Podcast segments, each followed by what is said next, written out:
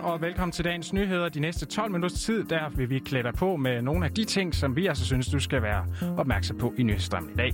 Jeg hedder Olof Fonne, og ved min side der står du, Martin Sudermann. Godmorgen. Godmorgen, Olof. I dag der skal vi blandt andet en tur forbi Christiansborg, hvor der er samråd om klima og uddannelser.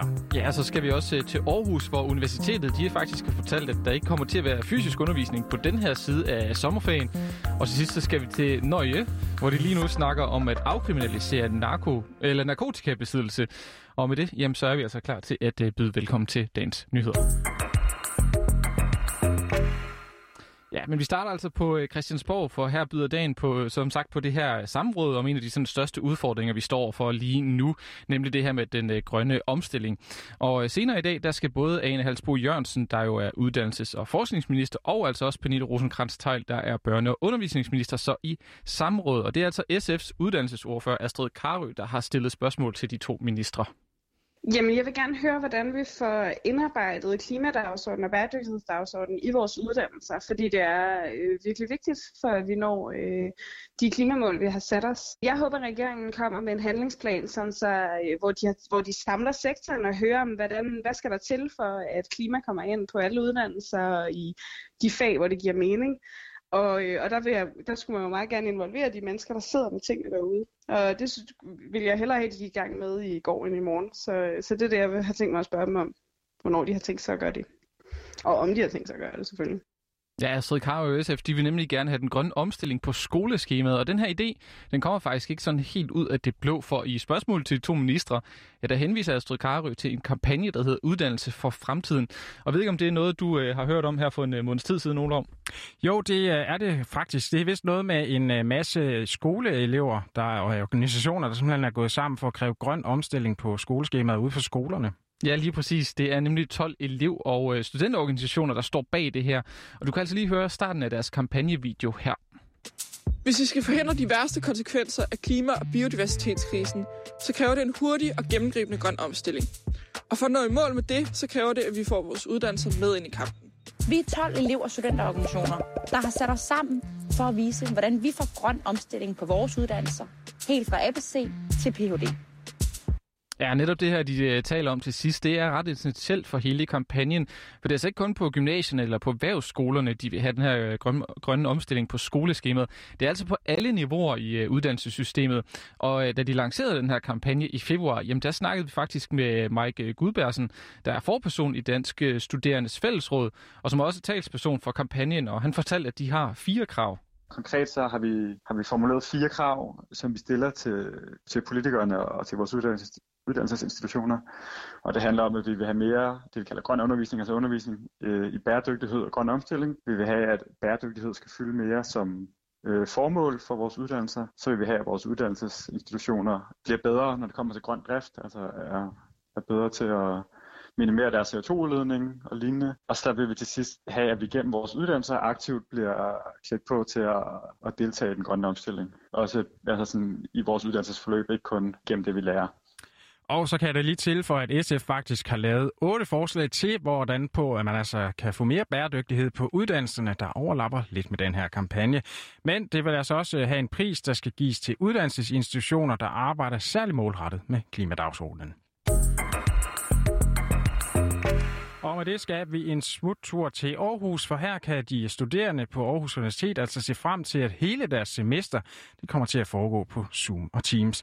Det meldte universitetet ud i et brev til de studerende i går, og det lyder måske lidt voldsomt, eller hvad synes du, Martin? Ja, det kan man vist godt sige. De har jo været sendt hjem det meste af tiden her det seneste år, men øh, altså, det var kun i kort, kort øh, i sensommeren, de lige var tilbage og havde lidt øh, fysisk øh, undervisning. Men øh, Maria Dahl, som øh, studerer på universitetet og er forperson for den øh, største studentorganisation, Studenterrådet, ja, så giver det altså god mening, hvis man spørger hende. Selvfølgelig er vi ærgerlige over, at man nu bliver nødt til ligesom at træffe den her beslutning, men vi forstår godt argumentet i forhold til forudsigelighed, både for vores undervisers skyld og for vores medstuderende. Vi ved ikke, hvornår regeringen vælger at, at komme med en endelig genåbningsplan, som inkluderer os. Så at blive ved med at trække det, så kommer vi også bare tættere og tættere på eksamener. I det her brev, som øh, Marie og de andre studerende de altså har fået, der skriver universitetet, at man vægter forudsigeligheden højt, og det er altså derfor, man har taget beslutningen. Men man vil altså også ændre, hvad det, øh, der det bliver mulighed for det.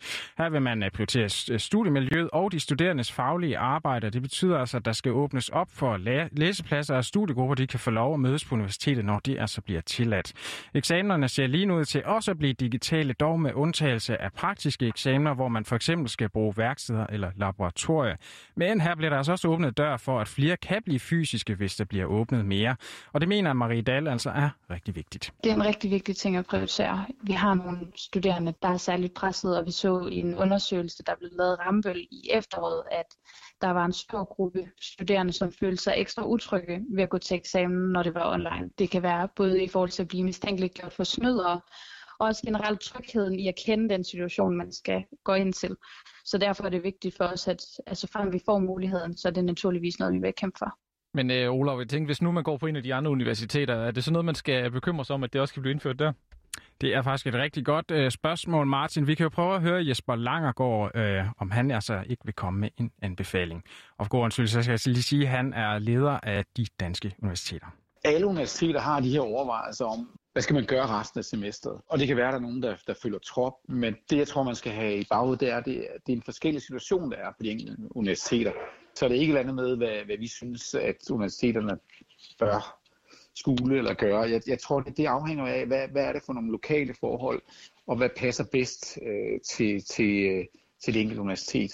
Men det er altså en svær beslutning, som man skal tage ud på landets universiteter. Der er nemlig både fordele og ulemper ved allerede nu at beslutte, hvad man altså vil gøre i resten af semesteret. Fordelen det er, jo, det er jo meget det, det er omkring forudsigelighed. Altså at de studerende, de ved, hvad det er, de ser frem imod. Ulempen, hvis man skal sige det, og det er jo sådan set forudsagt, at der kommer en, en genåbning, hvor man kan være øh, til stede på universiteterne. Ulempen det er jo, at det kunne jo være, at man kunne have haft noget fysisk undervisning. Og alt andet lignende, selvom at de studerende har vendt sig til online undervisning, så tror jeg også, at der er rigtig mange, der gerne vil tilbage til den fysiske undervisning. Ja, hvordan det altså ender med de andre videregående uddannelser, det må vi vente lidt endnu og øh, se. Men ved den øh, første genåbningsplan i sommer, der var, der, øh, var de altså langt nede i køen, og blandt de sidste, der fik lov til at vende tilbage til en lidt mere almindelig hverdag. Og med det så blev det altså tid til dagens sidste nyhed, som består af en tur til Norge. For her vil den norske regering altså ikke længere straffe dig, hvis du render rundt med 2 gram heroin eller 10 gram cannabis. Hvad tænker du om øh, det forslag, Martin? Øhm, det lyder umiddelbart ret specielt. ja, det er det faktisk øh, slet ikke. Det mener i hvert fald Esben Hovborg. Han er lektor på Center for Rusmiddelsforskning hos Aarhus Universitet. Men inden vi altså vender tilbage til ham, så skal du altså lige vide, hvorfor vi tager det her op i dag. Senere der holder man nemlig en høring i Norge om netop det her forslag, der altså går på at afkriminalisere små mængder narkotika. Og det betyder altså, at det fortsat vil være ulovligt at have narkotika på sig, men man vil altså ikke længere risikere straf, hvis man kun har til eget forbrug. I stedet så skal man tilbydes hjælp og skal komme til et møde.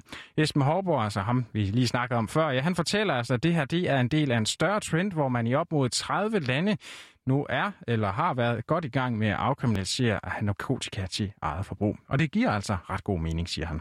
Det kan reducere overdoser og øh, stofrelaterede skader, at problematisk forbrug af stoffer minimeres, at det kan føre til en bedre inklusion af stofbrugere i samfundet, og ikke mindst, at det fører til færre omkostninger for retsvæsenet og at, øh, at kriminalisering af stofbrugere, det har øh, en række ret alvorlige negative konsekvenser, altså overdoser, stofrelaterede skader, spredning af HIV og AIDS, hepatitis, stigmatisering af stofbrugere, social eksklusion af stofbrugere og alle de sociale problemer, som det kan føre med sig.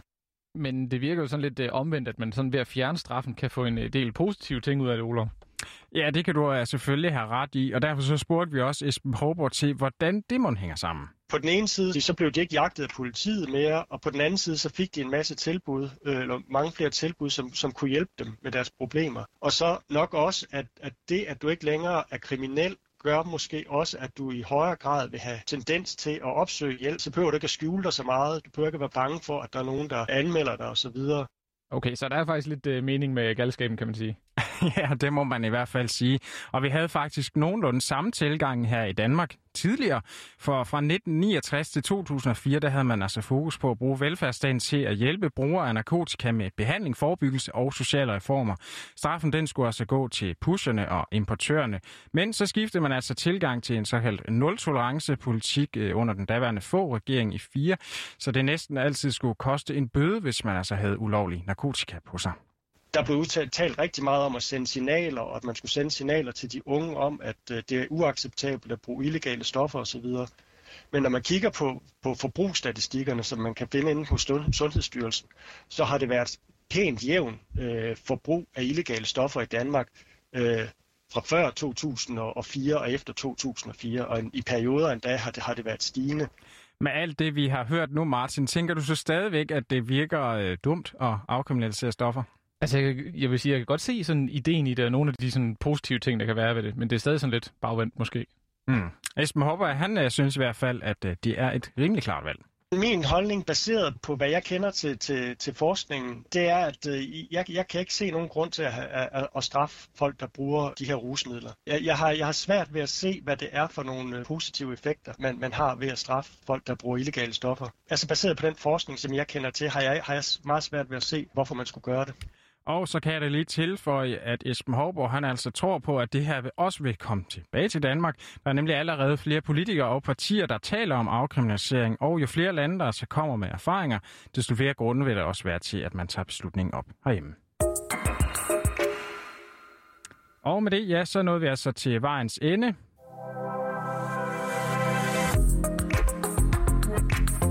Det var nemlig dagens nyheder for i dag. Din værter var øh, mig, Olaf Fonna og Martin Sudemann.